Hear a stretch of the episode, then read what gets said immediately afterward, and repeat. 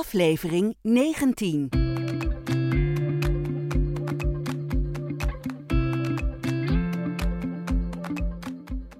Dit is een podcast van Advocaten, Familie en Erfrecht met Inge Diepman en Joost Dix.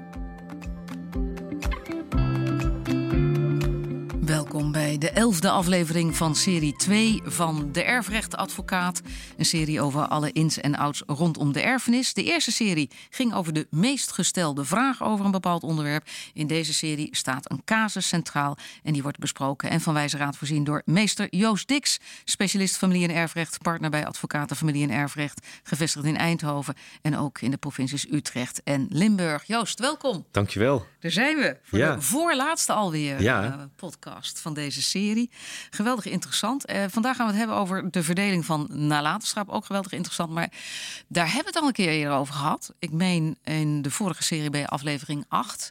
En bij verdeling van de nalatenschap als speciaal onderwerp, denk ik dan. Maar het gaat toch altijd om het verdelen van de nalatenschap. het is een beetje het eindtraject. Hè? Als we die, die executeur die is dan al weg en die vereffenaar is weg. De schuldeisers zijn betaald. Hè?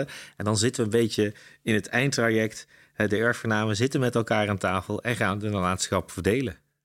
En waarom heb je deze weer ter tafel gebracht? Ja, Welke omdat er, specifieke casus heb je ja, meegenomen? er is natuurlijk allerlei gedoe eh, denkbaar bij de verdeling van de nalatenschap. Eh, zo ook het gedoe in de casus van de nalatenschap van moeder Anne. Moeder Anne overlijdt en heeft drie kinderen: Laura, Emma en Sam. En in die nalatenschap van moeder zit een bankrekening met 2 ton. Dus zij laat best wel wat na. Maar tijdens leven in 2002 heeft moeder Anne aan Laura 100.000 euro geschonken. En Emma die heeft ook zo'n schenking gehad in 2003. En Sam die heeft niets gekregen. Ja, en dan is de casus eigenlijk al gegeven. Hè? Hoe moet dit nu? We gaan het horen. We gaan ook de wijze les uit deze casus horen van meester Joost Dix. In deze aflevering van De Erfrechtadvocaat.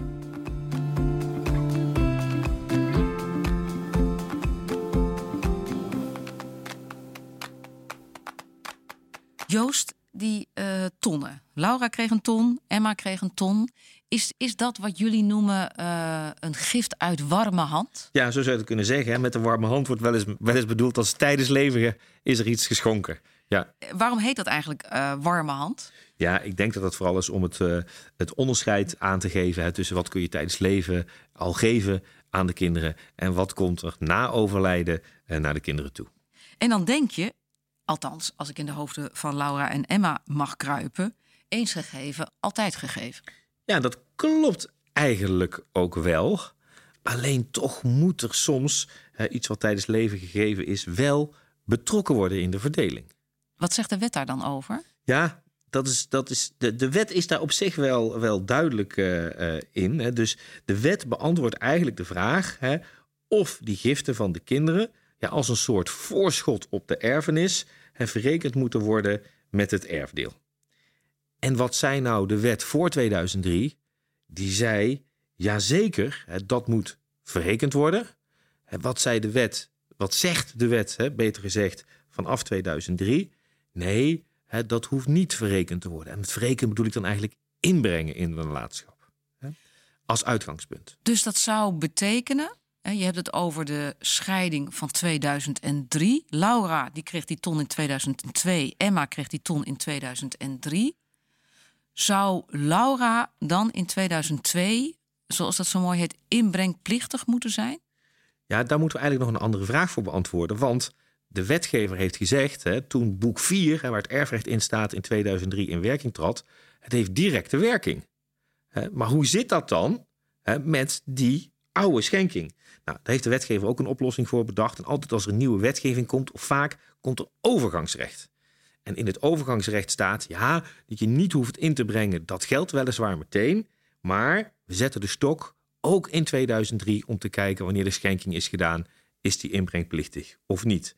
Dus met andere woorden, die schenking die in 2002 aan Laura is gedaan, die moet ingebracht worden in de nalatenschap. Wat dat dan precies is, dat zal ik zo nog wel eh, vertellen. En eh, die aan Emma niet. Dat is het uitgangspunt van de wet, hè? Nou, je zult maar Laura zijn. Ja. Ik bedoel, Sam was al boos, denk ik. Ja, Maar ja want Sam die kreeg helemaal niks. Hè? Dus inderdaad, hè, dan, eh, dan moet dat ingebracht worden. Ik moet er wel bij zeggen dat zowel in de oude als in de nieuwe wet... eh, de erflater iets anders kon bepalen. Dus bij de schenking kon je bepalen en kun je nog bepalen... Hè, dat die ene kant niet inbrengplichtig was. En nu kun je bij een schenking of bij het testament nog bepalen... Dat die wel ingebracht moet worden. Dus je kunt daar eh, aan schuiven. Maar in deze casus is daar niks over gezegd. Nee, dus maar moet moeder het had terug dus in wet. testament kunnen zeggen... eh, Laura en Emma moeten het ton teruggeven... of moet het inbrengen in de Ja, erfenis. Teruggeven is iets anders. Eh, of eh, eens gegeven, altijd gegeven, prima zo. Precies, je kunt daarvan afwijken. En, Ja. die ton, eh, als je inbrengplichtig bent... eh, moet die ton dan gewoon eh 100.000 eurotjes op tafel? Nee, nee, je mag die gift eigenlijk gewoon houden. Hè, Inbreng betekent eigenlijk hè, dat bij de berekening van wat je uit de verdeling toekomt, hè, dus die waarde van die gift eh, meegenomen moet worden. Hè. Dus die strekt eigenlijk een mindering eh, op je aandeel.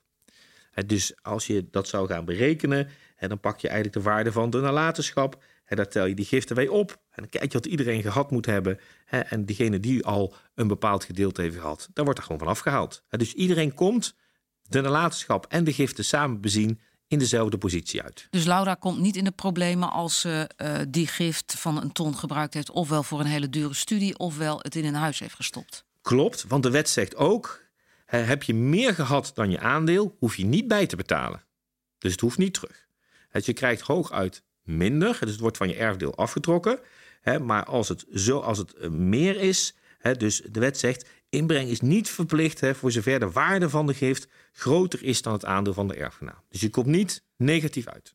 Dus nog even recapitulerend. Overigens staat er een ontzettend leuk schemaatje... en makkelijk hanteerbaar schemaatje op jullie website, hè, eh, website over 2002-2003. Dus of je wel of niet inbrengplichtig bent. Eh, Laura, 2002, daar zegt de oude wet van... dat is een voorschot op de erfenis, dus dan ben je inbrengplichtig. En dat is voor Emma, 2003, anders. Ja, gek hè, eigenlijk. Dus er kan een dag tussen zitten en dan kan het anders uitpakken. Maar nogmaals, degene die die schenking doet, kan er invloed op uitoefenen bij de schenking of bij het testament. En dan mag je van afwijken. Maar doe je dat niet en geldt gewoon de wet, dan is, ja, het klinkt misschien heel gek, maar dan is de ene schenking inbrengplichtig en de andere niet. En stel nou dat eh, moeder ruzie krijgt met Emma. Eh, die heeft een, een gift gekregen in 2003 van die ton. Moeder heeft daar spijt van. Dan kan ze dus ook in dat testament van haar vastleggen dat ook Emma, ondanks de wet, inbrengplichtig is. Zij kan dat vastleggen, ja. ja. Zij kan het bepalen dat dat het inbrengplichtig is, ja. We hebben natuurlijk de afgelopen jaren die jubelton gehad. Is, is dat, ehm, hè, dat was dan de belastingvrije schenking van Ja. ton. Is die ook inbrengplichtig? Of Ja. volgens de wet dus niet? Nee, kijk, wat het, het grappige is van de jubelton, dat was vooral ging dat om de fiscale aspecten. Als je bepaalde regeltjes voldeed, hè, dan mocht je dat zo doen. Maar hè, ik kijk altijd naar het civiele recht. Hè, dus wat geldt er zo in het erfrecht? Ja, en in het erfrecht is het zo dat het gewoon als een gewone gift gezien moet worden. Dus het maakt niet uit of daar wel of geen belasting over betaald moet worden. Dus een gewone schenking. En dan gelden dus de gewone regeltjes. Dus als daar niets over eh, bepaald is, dan is die niet inbrengplichtig. En nu hebben we het over gewoon, en dat, dat is simpel, hè, dus dat zijn euro's. Eh, Maar geldt het ook voor een huis? Want eh, nou ja, zowel het huis van 2002 als, als dat er een huis in 2003 gekocht zou zijn van een ton, nou, dan ben je spekkoper, eh, zowel als Laura als Emma zijn. Want die huizen die zijn enorm in waarde gestegen. Ja, we moeten wel kijken naar het moment van de schenking. Hè, Dus op het moment, stel op het moment van de schenking, wordt er een huis, ik zal maar zeggen, verkocht van eh, voor eh, drie ton, terwijl dat huis eigenlijk toen al zes ton waard was. Ja, dan zit daar een materiële bevoordeling in op dat moment van drie ton.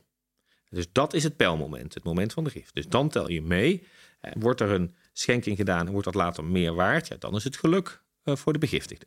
Maar dit is, dit is door de wet, eh, hè, en het verschil tussen 2002 en 2003, nou, dit, dit is ellende en ruzie in de tent. Ja, dat kan. Overigens zie je vaak wel dat eh, als er niks bijzonders aan de hand is, dat ouders de kinderen gelijk behandelen. Maar het kan zijn eh, dat bijvoorbeeld zeggen, nou, als jij de- de 25 wordt of 30 wordt, krijg je een ton. Maar ja, dat misschien die ouders dat niet meer af hebben kunnen maken bij de rest van de kinderen. Dat soort discussies kun je natuurlijk ook, eh, ook voorstellen. Of misschien is het wel heel bewust bedoeld. Je zegt, nou, willen een van de kinderen een voordeeltje gunnen. Maar hier is het dus wel verstandig om af en toe te bedenken of je uh, dit soort giften uiteindelijk dan gelijk moet trekken in het testament. Dus dat je alsnog een, een wijziging in je testament aanbrengt als er weer een gift is geweest. Of als je voorziet dat, uh, dat zoon Sam uh, geen ton meer kan krijgen, want geld is op. Ja, of je gaat inderdaad zeggen van, goh, ik bepaal het bij, uh, bij de gift. Hè, of daar nog iets, uh, iets moet. En inderdaad, helemaal aan het eind van de rit hè, kun je natuurlijk alles nog recht trekken of alles bepalen wat je, wat je zou willen. Ja, ja alhoewel, ik zeg dat net van, hè, want Sam krijgt geen ton meer, want het geld is op. Als het geld überhaupt op is, dan, ja, dan is het is dus niet pech. zo dat. Ja, ja, Dan, dan heeft Sam gewoon pech. Ja, dan hoef je dus niet, niet bij te betalen in die, uh, in die verdeling. Wat er dan natuurlijk wel kan gebeuren, hè, maar dan hebben we het over een heel ander leerstuk. Dat die Sam dan zegt: ja, maar misschien kan ik nog iets met mijn legitieme portie. Hè, maar dat is iets heel anders. Want dan zegt hij: ja, ik ben dan wel erfgenaam, maar ik heb misschien nu een tekort. En dan doe ik een aanvullend beroep de legitieme portie. Maar gebeurt dat, is, dat? gebeurt ook. Hè, heel... Maak jij dat aan als erfrechtadvocaat? Want wanneer word je over het algemeen erbij betrokken? Nou, vaak um, is het voor partijen niet altijd inzichtelijk wat speelt er nou. Die weten niet precies. Je hebt dat schema heb je gezien. Hè? Het is best even puzzelen. Hè? Wanneer nou inbrengplichtig, wanneer niet. Je moet kijken wat zegt het testament, wat is er bij de gift gezegd, in welk jaar. Hè? Uh, gaat over een afstammeling. Hè? Dus dat in kaart gebracht wordt eerst. Hoe ziet de nalatenschap eruit? Zijn er, uh, zijn er inbrengverplichtingen of niet? En als je dat in kaart hebt, dan kun je ook nog kijken: is het dan voor iemand nog verstandig om een aanvullend beroep te doen op de legitieme portie of niet? Dus het zijn van erfgoedadvocaat is soms ook rekenwerk. Ja, maar ook wel zoekwerk. Want uh, degene die kan getuigen uh, dat er een gift is gedaan. Uh, nou ja, die, die, de, de, de zoon of dochter is er nog wel, maar de ouder niet. Ja. en die zoon of dochter heeft er soms geen baat bij om dat te zeggen. Dus dat moet je dan boven water halen. Ja. Lukt dat altijd? Ja, kijk, ik zeg wel eens, je kunt niet altijd de onderste steen boven krijgen. Maar dit soort giften waar we het nu over hebben, ja, die zijn over het algemeen wel redelijk makkelijk uit de administratie te halen. Hoe eh, loopt het af met uh, Laura, Emma en Sam?